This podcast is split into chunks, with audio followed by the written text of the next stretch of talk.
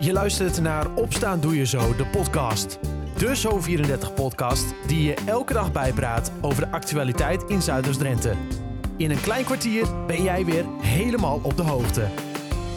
Het is donderdag 7 oktober 2021. Dit is Opstaan Doe Je Zo, de podcast aflevering 49. De dag begint erg mistig.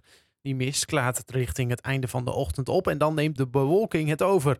Vanmiddag af en toe een streepje zon. Het wordt zo'n 15 graden. Liefhebbers van de geschiedenis over de Tweede Wereldoorlog opgelet. Dit weekend opent er in Schonebeek een bijzondere tentoonstelling. Ik spreek zometeen met Bert Vinken erover.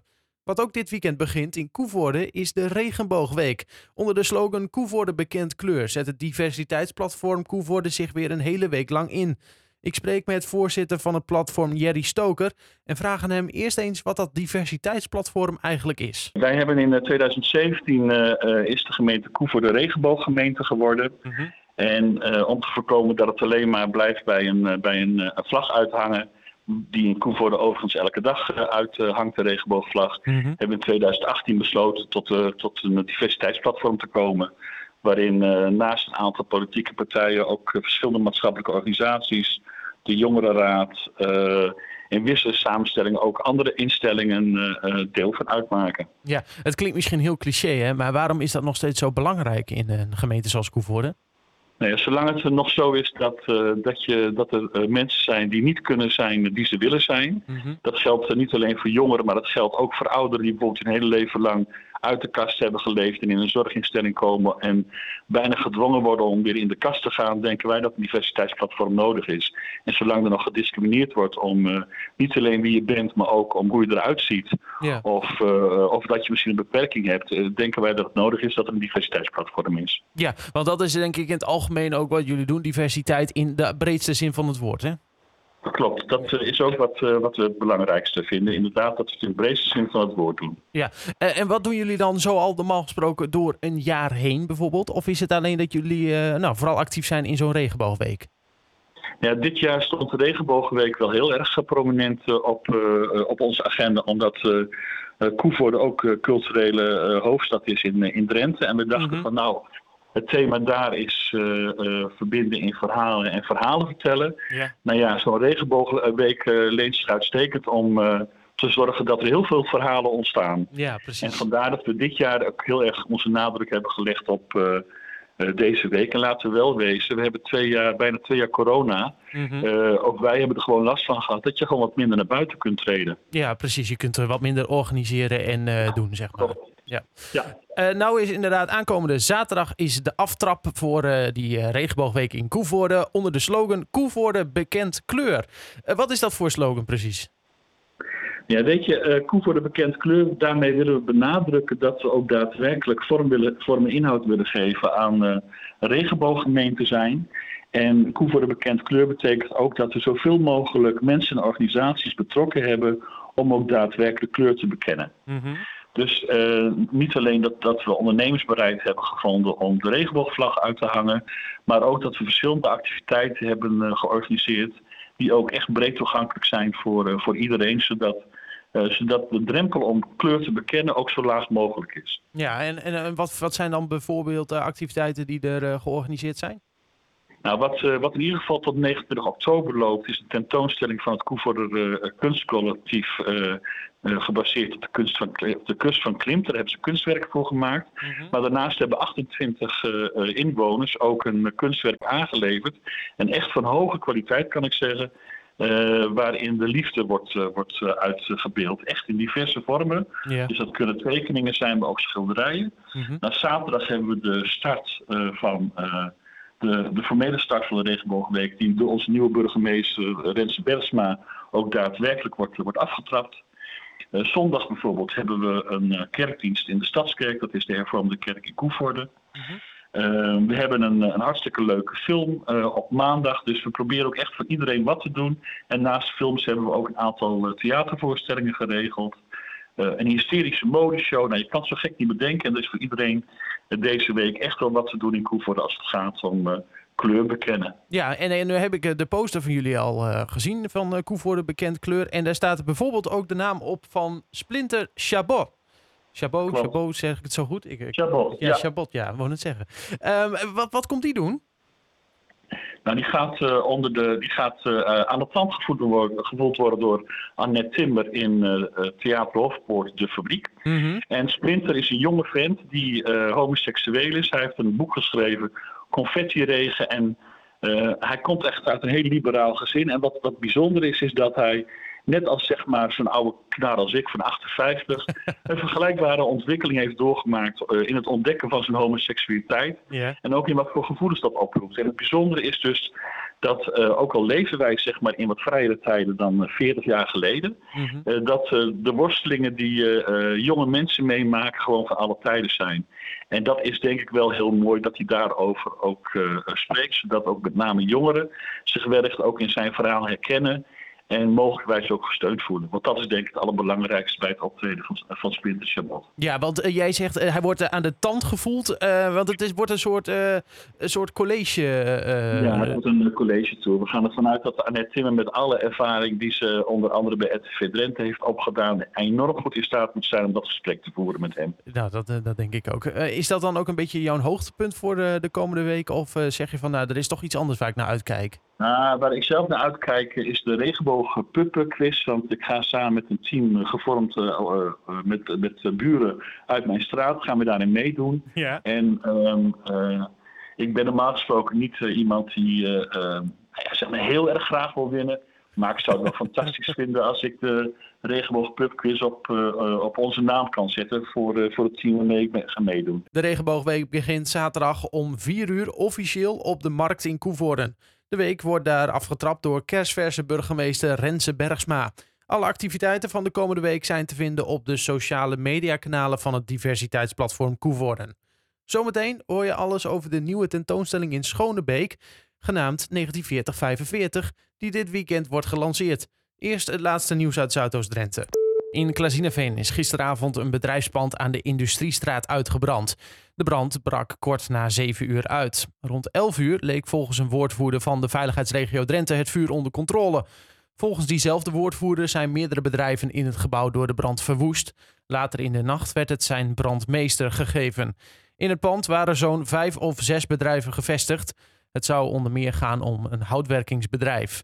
De brandweer schaalde op naar een zeer grote brand. En daarom kwamen meerdere wagens van verschillende korpsen naar Klazineveen om de brand te blussen. Over de oorzaak is niets bekend. Bij een wooncomplex van B-Point begeleid wonen aan de Julianastraat in Emmen was woensdag veel politie, waaronder ook een team van dienst speciale interventies aanwezig.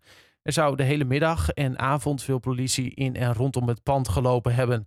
Wat er precies aan de hand is, kon een politiewoordvoerder vanwege privacyredenen niet melden. Door twee losgeraakte wielen van een vrachtwagen is woensdagmiddag op de N391 tussen Emmen en Roswinkel flinke schade ontstaan. De wielen raakten twee voorbijkomende personenauto's, waarvan eentje totaal losraakte. Het verkeer op de N391 ondervond korte tijd hinder van het ongeval. En in Emmen zijn vier mensen gewond geraakt bij een botsing met twee auto's in de Filius Vochtstraat. Het lijkt erop dat de auto's frontaal tegen elkaar gebotst zijn. Wat daarvan de oorzaak is, is niet duidelijk. De gewonden zijn naar het ziekenhuis gebracht. Tot zover. Meer nieuws uit de regio kun je altijd vinden in onze app of op zo34.nl. En we houden je natuurlijk door de dag heen ook op de hoogte via onze sociale media. In Schonebeek start dit weekend de tentoonstelling Schonebeek 1940-45. Ik spreek met Bert Vinken en die vertelt wat er precies te zien is in multifunctioneel centrum Het Oorlog Gemeentehoes. Het is een eh, combinatie van twee eh, onderdelen. De eerste onderdeel is eh, de luchtoorlog die in de Tweede Wereldoorlog plaatsvond eh, in Zuidoost-Drenthe. Mhm, Dus over de neergestorte vliegtuigen en de daarbij omgekomen eh, oorlogsvliegers. mhm. En het tweede deel gaat over de eh, oorlog in Schonebeek en meer in het bijzonder een mislukte overval op, eh, door het verzet op het gemeentehuis eh, in juli 43. Oké, en, en, en eh, het zijn er dus eh, twee, die zijn daar allebei te zien. Ik zei al, uitgesteld tentoonstelling, want eerst zouden ze eigenlijk in de, de CBK-ruimte hier in het Drentse Park in Emmen zijn. Ehm, maar nu toch in Schonebeek, waarom die keuze? Nou ja, het, het verhaal speelt eh, met name in Schonebeek. De eerste Mhm. instantie was vorig jaar de bedoeling dus inderdaad in het Rensenpark. Eh Rensenpark eh, was dit jaar eh, inmiddels weer volgeprogrammeerd. eh, en wij vonden wel dat die dit jaar moet plaatsvinden. Dus zijn we gaan zoeken en zo zijn we ja, eigenlijk terechtkomen de plek waar het allemaal om speelt, is Schonebeek zelf. Ja, en biedt dat dan ook nog weer extra mogelijkheden, omdat je dan toch nou ja, dichter op de kern zit, zeg maar? Ja, zeker. We hebben uh, direct gezegd, nu in Schonebeek zitten, kunnen we ook een uitgebreid brandprogramma uh, organiseren. Mm -hmm. Dus wij hebben uh, volgende week zaterdag, 16 oktober, is er bijvoorbeeld een buitendag waarbij op 20 locaties een verhaal wordt verteld wat daar gebeurde in de Tweede Wereldoorlog. Ja. We hebben op 13 november een Remembrance Day, dan worden de gevallen oorlogsvliegers worden herdacht. Dan hebben we een stuk of vier lezingen georganiseerd. Dus er gebeurt inderdaad veel meer. Ja, er zijn uh, twee uh, stichtingen eigenlijk bij betrokken. Hè? Dus de, de Stichting Luchtoorlogonderzoek Drenthe en, uh, in, en de stichting waar jij voorzitter van bent. En dat is de Stichting Onderzoek Drentse Families en Huizen. ik, ja, misschien ligt het aan mij, maar ik, die laatste die kende ik eigenlijk helemaal niet. Nee, het is ook een, een, stichting die wat minder bekend is bij het brede publiek. Waarom? Omdat het eigenlijk een uitgever is, uitgever is van boeken. En uh, dus de boeken zijn wel bekend, maar de stichting op zich uh, dus niet. Op die en er worden een aantal uh, activiteiten, evenementen worden georganiseerd. En daar is dit eentje van. Dus de stichting aan zich is minder bekend, maar dat hoeft ook niet. Het gaat om de inhoud die Nee, nee, zeker, zeker. Maar dat is dat tweede verhaal, dat vertellen eigenlijk jullie. Dus die overval op het gemeentehuis. Ja, die vliegers, ja, dat wist ik wel. Ik ben toch een beetje ingelezen in, in de regio. Maar deze is even helemaal langs me heen gegaan. Wat is daar precies gebeurd? Nou ja, dus, uh, heel veel mensen kennen het verhaal wel een beetje globaal. Dat er uh, op twee uh, verzetsjongens op een motor in de midden, rond de middag Schonebeek binnenreden. En mhm. ja, als je in de oorlog op een Engelse motor, waar natuurlijk benzine toen ook al moeilijk verkrijgbaar was, uh, als twee onbekende mannen een dorp binnenrijdt, uh, dat, dat uh, geeft problemen, dat geeft vraagtekens. Nou, de hele verzetsactie die ze in gedachten hadden, is dus daardoor ook mislukt. Mm -hmm. ze waren, viel namelijk ook op, op, bij de burgemeester, die liet ze naar het gemeentehuis halen door de, de veldwachter.